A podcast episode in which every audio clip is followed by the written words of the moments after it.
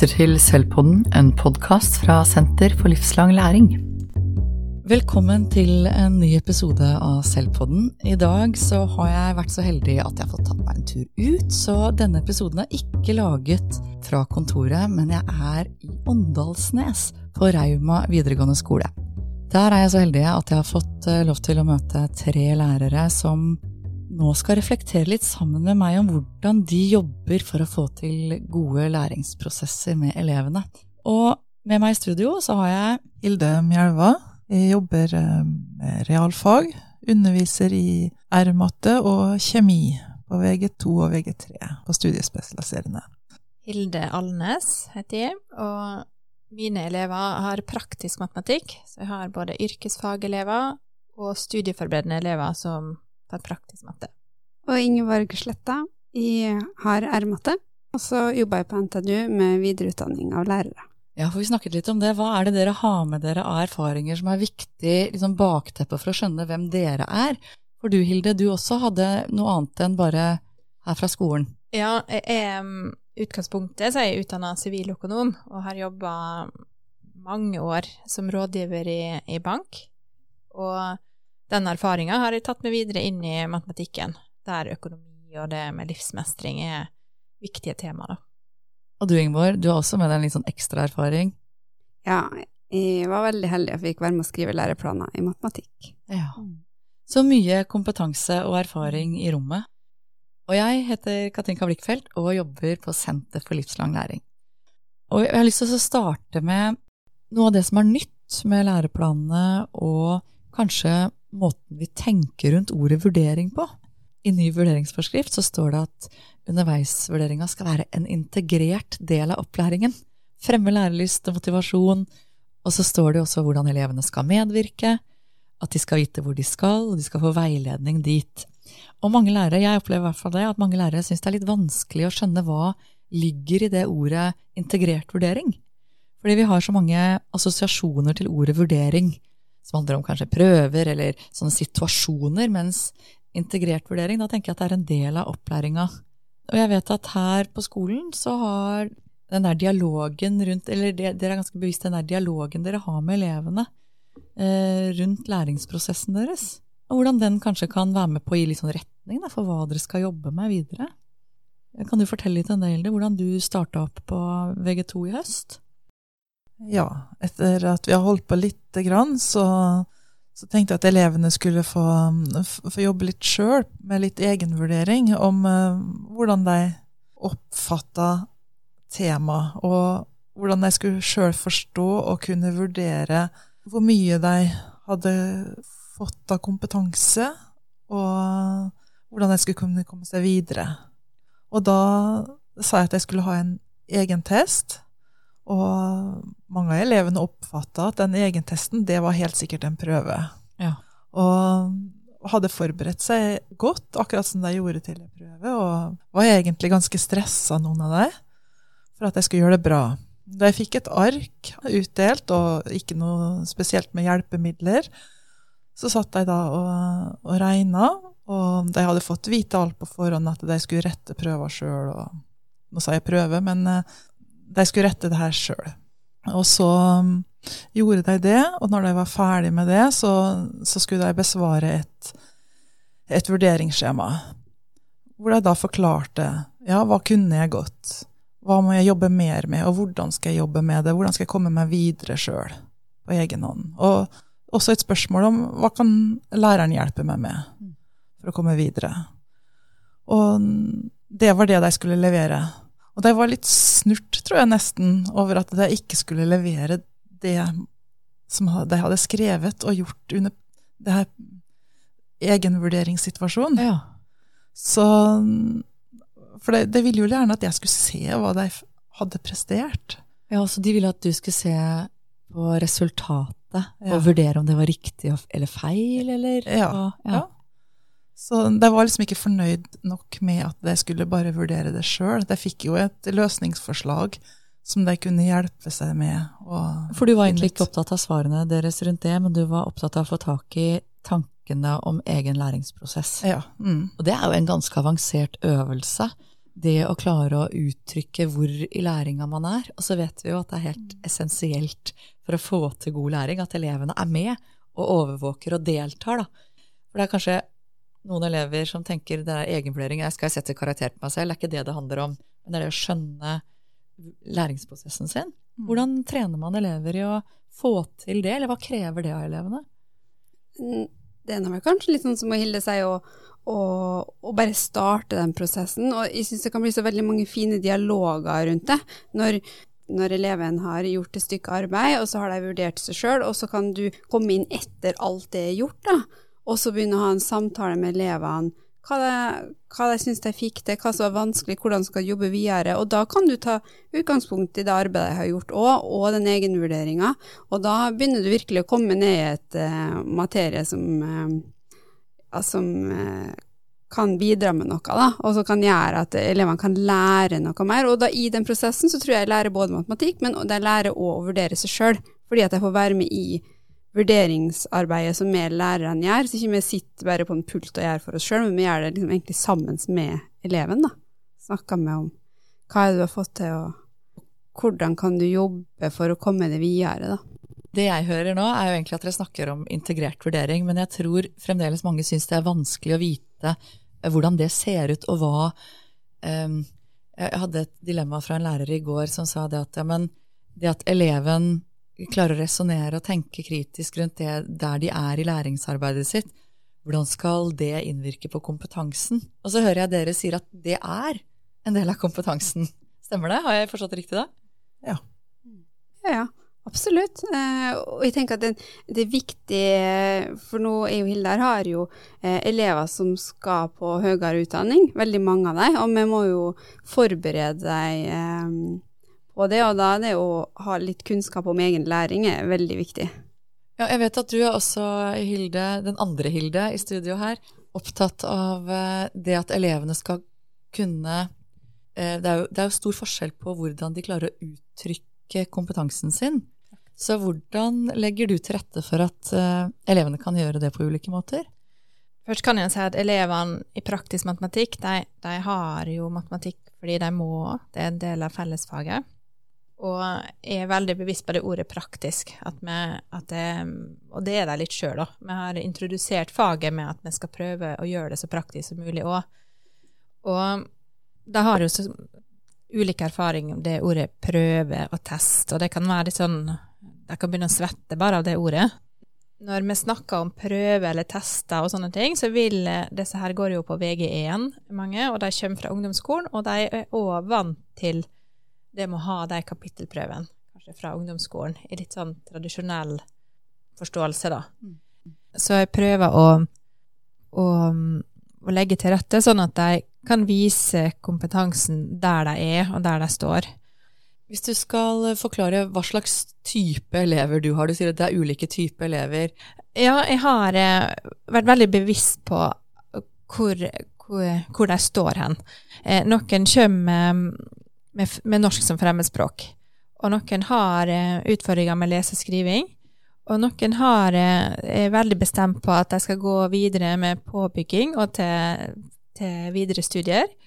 Og en en stor gjeng skal òg ut i lære og rett i yrkeslivet. Så da har du Du har egentlig opptil fire forskjellige grupper med elever, da. Men det, det kan jo ikke dele deg opp i. sant? Jeg må ha deg holde det litt skjult og prøve å la deg eh, opptre som én klasse, og at eh, de opplever det her som rettferdig.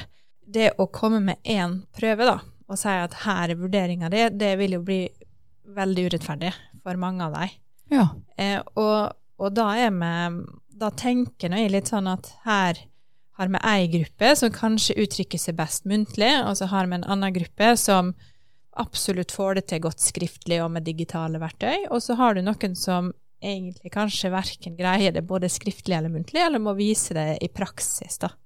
Kan du noen eksempler på det, hvordan det kan se ut når de viser det i praksis? Ja, når de viser i praksis. Jeg, jeg hadde en, en, gjeng som var veldig glad eh, på, på, kjøkkenet på skolen her, der vi dekka på et bord eh, med, med, fat og tallerken og servietter, som du så som på en, på en ordentlig restaurant. Og så hadde vi laga en, en eh, snakkeboble da, på hvert fat. Og på hver snakkeboble så sto det enten at du hadde en cola, eller at du hadde en vann, og så hva slags mat du ville ha. da.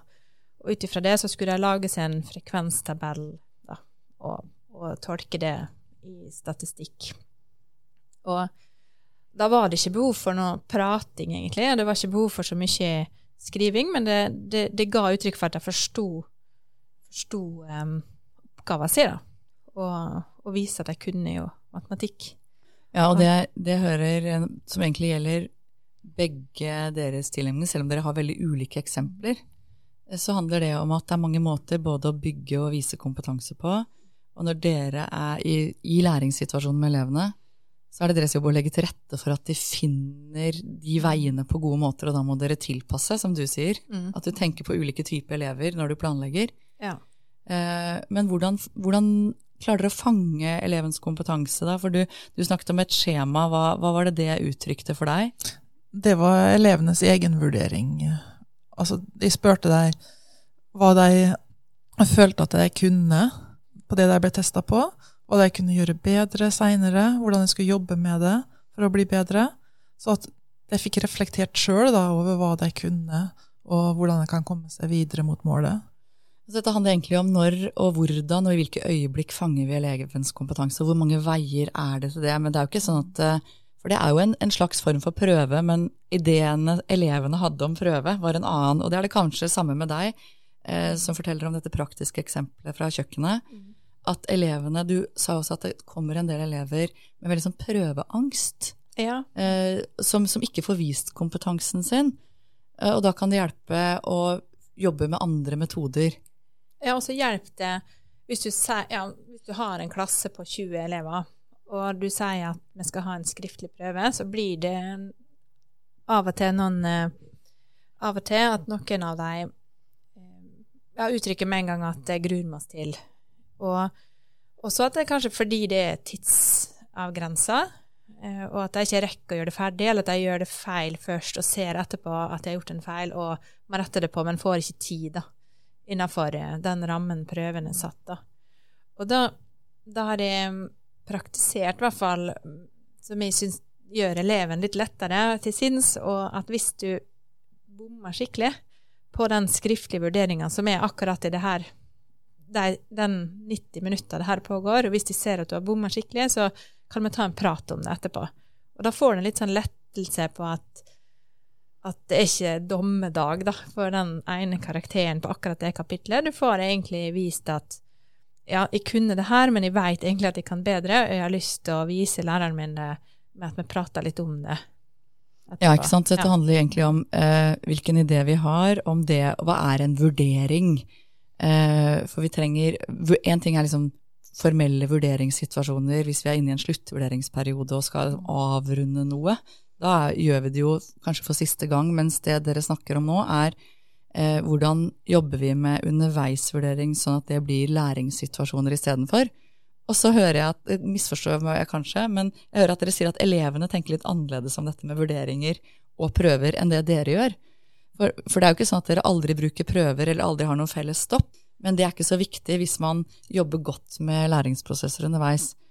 For dere har jo prøver på den skolen også, eller har dere ikke det, Ingeborg? jo da, man har prøve. Eh, og akkurat som Hilde sa, det handler litt om hvor ofte du har prøven, men hvordan du bruker prøven. Eh, kanskje det er viktig å ha noen prøver for for at elevene ønsker det, og det er jo elevmedvirkning. Så hvis jeg har et veldig sterkt ønske om å ha en vanlig prøve de er vant til fra før, så kan jeg jo få det. Um, men sist de hadde, hadde ei prøve da, med klassa mi før eh, jul um, på realfagsmatte, og der jeg retta jo ikke helt vanlig, jeg samla i hop de oppgavene som handla om et tema, eller um, sånn f.eks. derivasjoner, og sa hvor, hva slags kompetanse de hadde der. Eh, og så ga jeg òg tilbakemelding på hvordan de formidla matematikken skriftlig, for det er jo viktig å klare å bruke fagbegrep. Og så når man var ferdig med prøven, så, så fikk de velge ut eh, noen oppgaver eller tema som de syntes de kunne bedre enn de klarte å vise skriftlig, og hadde en muntlig samtale med meg. Da kunne jeg velge sjøl når de ville ha det, om det var om ei uke eller om en måned. Da kunne jeg jobbe med det og, og da bedre kompetansen sin. Og det er jo hele poenget, for det er ikke så farlig for meg hva jeg kan i desember, så lenge jeg kan det til sommeren. Og det er det som er hele poenget her, at kompetansen skal jo bygge gjennom hele året. Så det syns jeg funka veldig bra at jeg, mm, at jeg får litt eierskap for det sjøl, da, og kan, kan, bruke den situasjonen til å lære noe nytt og, og videreutvikle seg. I tillegg da å kombinere det muntlige med det skriftlige. Det, veldig, det kan være vanskelig for mange elever. Mm. Når vi starter et sted, så sier du Ingeborg at ja, men jeg sier til elevene at det er først til sommeren, eh, da skal vi være i et slags mål, da. Eh, hvordan klarer elevene å se sammenheng mellom det de gjør i september og der de skal være i juni? Hvordan hjelper dere dem med det? Jeg opplever at kanskje matematikkfaget spesielt, eller noen fag, har mer sånn oppstykka at nå jobber vi med det temaet, nå jobber vi med det temaet. Og når vi snakker om prøver, eh, sånn som jeg forsto dere i stad i hvert fall, så, så, er det litt sånn ok, nå tar vi en fot i bakken og ser hvor langt er vi kommet nå. Det er ikke dommen over deg. Det er ikke en sånn endelig at nå må du prestere, men det er mer en måte å ta en sånn felles stopp på på det vi har jobba med en periode. Men hvordan får dere elevene til å se de sammenhengene i det lange læringsløpet liksom fra september og til sommeren? Ved å fokusere på kjerneelementene, annet. For det er jo overliggende alle temaene som er i matematikken. Da kan vi snakke om hvor, hvordan, hvor langt de har kommet med det å jobbe med problemløsning. Hva er vanskelig, hva man må jobbe mer med, uavhengig av hva slags matematisk tema vi egentlig har. Eller det å analysere, resonnere, bruke fagbegrep, modellering, så ved å bruke kjerneelementene, så har en egentlig et verktøy til å se alt i sammenheng. Um, men jeg vil nå si at du ser det på kompetansemåla òg, for i matematikk så bygger det meste på hverandre. Mm. Og sånn eh, helt sånn praktisk, da, så tenker jeg at det, det kan være greit at en har et eksempel, f.eks. i et tema på høsten, som kan bygges ut og brukes videre, samme eksempelet bare litt mer omfattende i et nytt tema seinere, for da kan en si at da har en en knagg, og så kan en spørre elevene ja, husker dere vi holdt på med det? Så da får en repetert litt av det en hadde, og så får en brukt den kunnskapen videre inn i det nye temaet. Ja, og, og, Kan du bare utdype hvordan kjerneelementene kan være til hjelp? Hva er det helt konkret i kjerneelementene som hjelper deg som lærer? Um, for eksempel så skal jo elevene klare å, å resonnere i, i en oppgave. Og det må du nå gjøre eh, sammen med den oppgaven hører til funksjoner eller geometri eller sannsynlighet, så må de klare å resonnere. Eh, sånn at da kan man ta utgangspunkt i det å se om man har utvikla seg med resonneringsevne, f.eks. i kjerneelementene, som er et av kjerneelementene. Ja. Så har vi jo veldig mye modellering. Og det er å utvikle den kompetansen for å lære seg å modellere ting ut fra en viss mengde data det også tar tid. Ja, Så da kan man jobbe med sånn deltrening, da, eller ferdigheter i modellering tidlig, men så tar de med seg det videre i læringsløpet. Og når du da skal drive avsluttende, så ser du hvor langt kommer jeg i å forstå hele det området modellering, og da kan man gjøre det med på mange ulike innholdselementer. Har jeg forstått det riktig da? Ja. Da kan du lage litt mer avanserte oppgaver som da kan vise hvor langt de har kommet. Men det, det som Jeg prøver hele tida å være pålogga i klasserommet, sånn at når, når det plutselig er et lys som går opp for noen, eller at noen greier å forklare noe til en medelev eh, i, en, i, et matematisk prosess, eller at de har forstått noe som de greier å, å, vise på et eller annet vis, så legger jeg det på minnet, da, at nå, nå er vi ah, Nå kan du det. Eh, nå har du vist meg det. Eh, og så må du si det til en. Sant? Det er jo viktig at den, eleven får vite at 'å, der er det, nå skjønner du det', nå er jeg så glad på dine vegne', eh, nå er vi på vei dit, nå er vi på vei videre dit vi skal. Ja, og det, jeg vet jo at det er mange som lurer på den der forskjellen på underveisvurdering og sluttvurdering, og hva kan jeg ta med videre av informasjon? Og nå snakker du egentlig om sammenhengen mellom de to. Det er jo, En ting er at det er liksom ulike forskrifter, men det du lærer om elevene underveis, det vet du om eleven, og det kan du ta med deg inn som en del av eh, det den eleven har vist kompetanse i. Da. Eh, hvis den, som jeg nevnte, da, hvis du kommer og sier at nå skal dere ha en skriftlig prøve, og det, det er for mange veldig vondt. Ja. De har erfaringer med det og får det ikke til. Og, hvis du, Og, og hvis den Jeg har jo prøvd og feila, da. Så hvis jeg har gitt en skriftlig prøve og sagt at dere skal bruke 60 minutter på det her, så kan det jo være noen som syns det er så fælt at jeg ikke engang skriver noen ting. Men hvis du sier du kan få bruke så lang tid du vil på det her, du kan ta den med deg hjem og levere den til i morgen, så har du plutselig oppdaga at noen forsker litt sjøl, eller at de har fått hjelp. Men da er jo ikke vurderinga at de får oppgaver rett, vurderinga mer at du får og har fått det til, at du kanskje har forstått noe, da. Eh, når er det dere skaffer dere informasjon om hva elevene kan?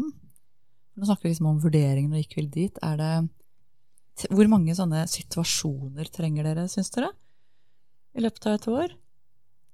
Jeg syns at vi jobber med det kontinuerlig hele tiden. Det er sånn som Andre Hilde sa, at vi vi hører kommunikasjon mellom elevene. Når en elev forklarer noe til en annen, så legger vi oss det på minnet. Det, det, er mange som er flinke til å hjelpe hverandre, og da, da viser de jo stor kompetanse. Når de klarer å formidle det videre til en annen elev. Og da må du vite hva du skal se etter som lærer, da. Ja. ja. Og så sitter jeg ofte sammen med elevene som sliter litt med en oppgave, og bare liksom spør litt. Ja, hvis du gjør sånn, eller hva tenker du om det? Og så løsner det for deg, og så får du det til. Og da ser du også hvordan de utvikler kompetansen sin.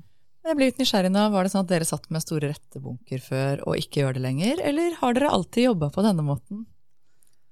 Jeg, jeg har um, aldri jobba på denne måten, for jeg er en ny, ny lærer, da. Jeg jobba i en annen bransje før. Men um, den PPU-utdanninga jeg tok, så var det på en måte inn, rett inn i en ny læreplan. Så det var ikke Det var hele tida snakka om prosessen. Eh, du skal få eleven til å forstå. Den skal ikke pugge og gulpe opp kunnskap. Den skal eh, forstå det du driver med, og den skal skjønne hvorfor den skal lære det. Og, og det syns jeg har vært veldig nyttig, og, og kom liksom litt i forkjøpet kanskje på at det med det vi jobber med, er en eh, helhetlig forståelse, og det med matematikk i praktisk forstand, det er jo livsmestring både for å greie seg sjøl i voksenlivet og i et yrkesliv, og at du greier å opp, ja, opptre som en uh, klok samfunnsborger, da. Mm. At, du, at, du, at de får en forståelse for at faget er nyttig. Og det kjenner jeg veldig bra. Hva med dere andre? Har rettebunker, ja eller nei, eller har dere hatt det? Er de der fremdeles? Hvordan er status? Jeg blir helt matt når jeg tenker på hvor mye tid jeg har brukt på å lage prøve og sitte der når jeg har prøve, og rette i prøven, lage løsningsforslag.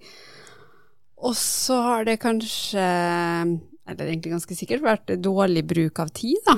Når du heller kunne brukt den tida på um, at elevene kunne fått jobba med matematikken, fått bedre tid på å, å lære seg eh, det de skulle lære seg. Og så nå driver jeg egentlig vurderinga sånn eh, hver time eh, i den vanlige undervisninga, eller den vanlige økten. Og da tenker du vurdering som dialog, som ja. skaffer deg informasjon om hvor elevene er, og justerer. Mm. Jeg er veldig enig med Ingeborg. Jeg er jo såpass gammel at jeg starta før Reform 94 som lærer. Så det har vært en lang prosess, egentlig. Men jeg tok eh, en master i godt voksen alder, og da løsna det litt for meg, det her med vurdering og vurderingssynet. Men ja, jeg har fremdeles innleveringer som jeg sitter og, og retter. Jeg syns det er verdifullt at elevene får um, kommunisere skriftlig også, og få tilbakemelding på det de gjør. Sånn at de jeg tenker, De skal jo opp i høyere utdanning, og mange av dem, mm. og skrive mye. Mm. Så det her med tekst er også viktig. Å få teksttrening eller skrivetrening. Ja.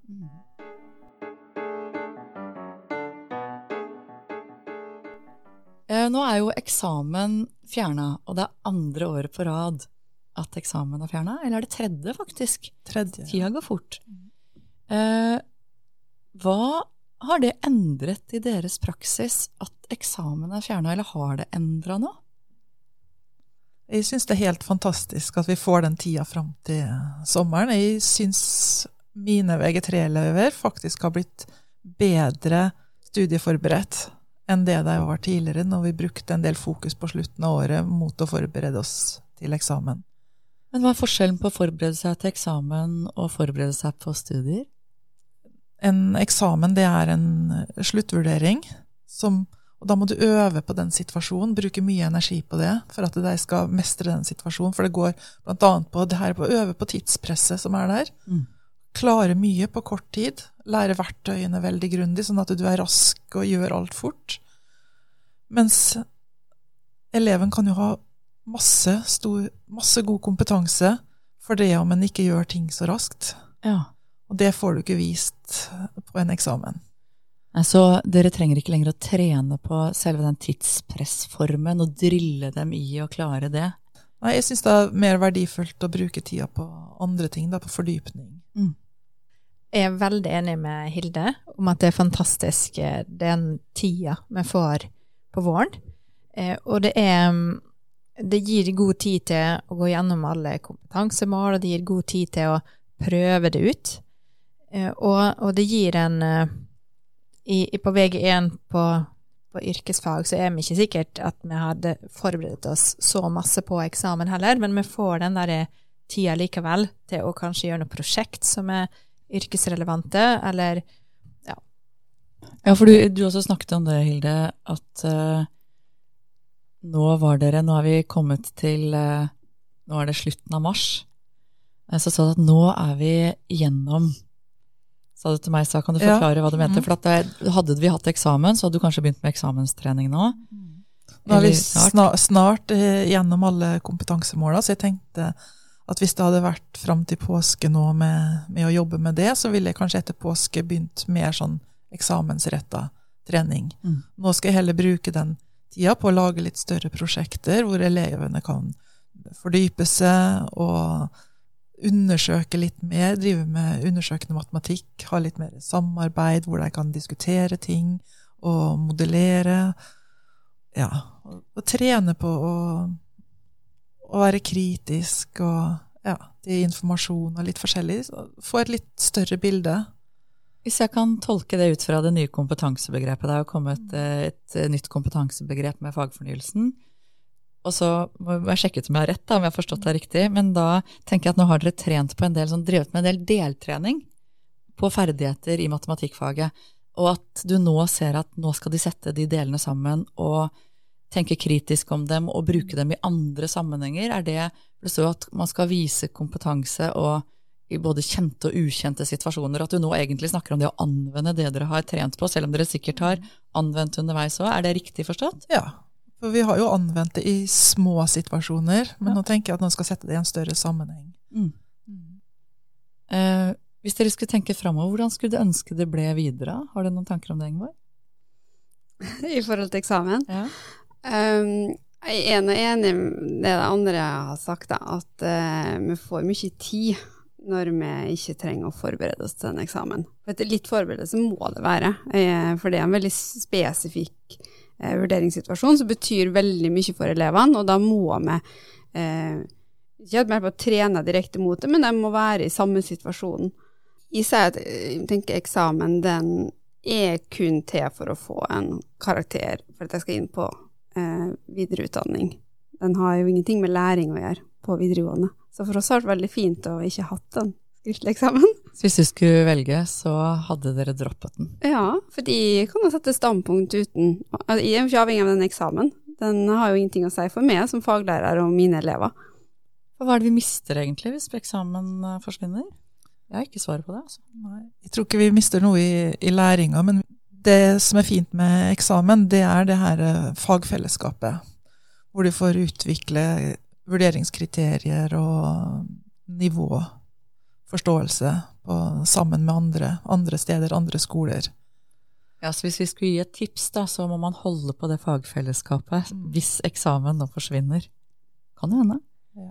Så er det viktig å ivareta det der eh, tolkningsfellesskapet på tvers, for det er klart at en sluttvurdering skal jo være rettferdig også. Så det å få justert seg, eller få funnet ut av hvor er vi, hvordan forstår vi kompetanse uttrykt. Ja, det, det er jeg veldig enig i. Det, det er viktig at eh, det ikke blir veldig stor forskjell fra hva skole du har, eller hva lærer du har. Så det er viktig å ha et sånt fellesskap. Men sånn rent isolert sett, for elevene og for meg, så er det bare positivt at vi ikke har den eksamen.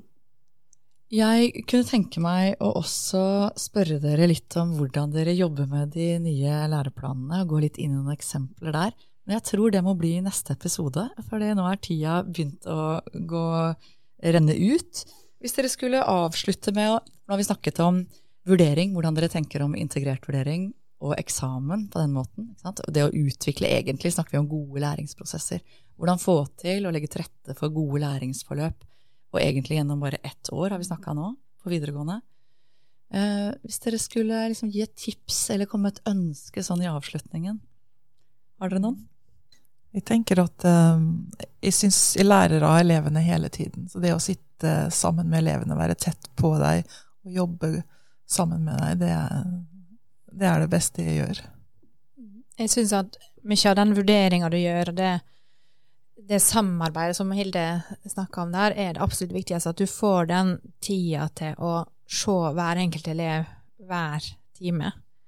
Det er ikke sikkert du greier alle hver time, men i hvert fall hver uke. At du har tatt den bitte lille praten, sånn at de stoler på at du vil hjelpe deg videre. At ikke du er en sånn kontrollør som bare skal gi deg en karakter til slutt, men at du får dialogen og relasjonen, sånn at de stoler på det til nå hjelper hun meg videre. Så det er ikke på en måte skjule det de ikke kan, da. Så Sånn at det på en måte åpner seg og får det til. Du vil dem vel, og er der ja. egentlig for å hjelpe dem til å både utvikle og uttrykke kompetansen. Ja, sånn at jeg forstår at jeg er en supporter, og, og ja, at jeg er en partner i deres læring. Og så den sluttvurderinga får vi bare ta når den kommer, da. Ja, også der skal vi hjelpe dem til mm. å vise seg fra sin beste side. Mm. Ja, også fra et lærerperspektiv, da, kanskje tørre å miste litt kontroll Eh, for det å ha prøve, det gir oss egentlig veldig sånn kontroll.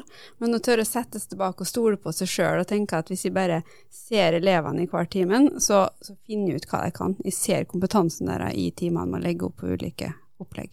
Jeg opplever at det gjør en del lærere litt usikker og utrygg. Eh, så Han må jo selv kunne faget sitt. Eh, Sette av litt tid til å lese læreplaner, se hva som faktisk står der, og så bare prøve litt i det små så går det kanskje bedre enn kan tror. Og du er jo heldig som har to gode kollegaer å diskutere med. Vi skal fortsette samtalen i morgen, og da skal vi snakke litt om hvordan gjøre matematikkfaget relevant, og de nye læreplanene. Det gleder jeg meg til, og det betyr at dere kan følge disse tre lærerne her i neste episode av Selvpodden også. Takk for praten. Takk for praten. Ja, takk for praten. Ha ha ha ha ha ha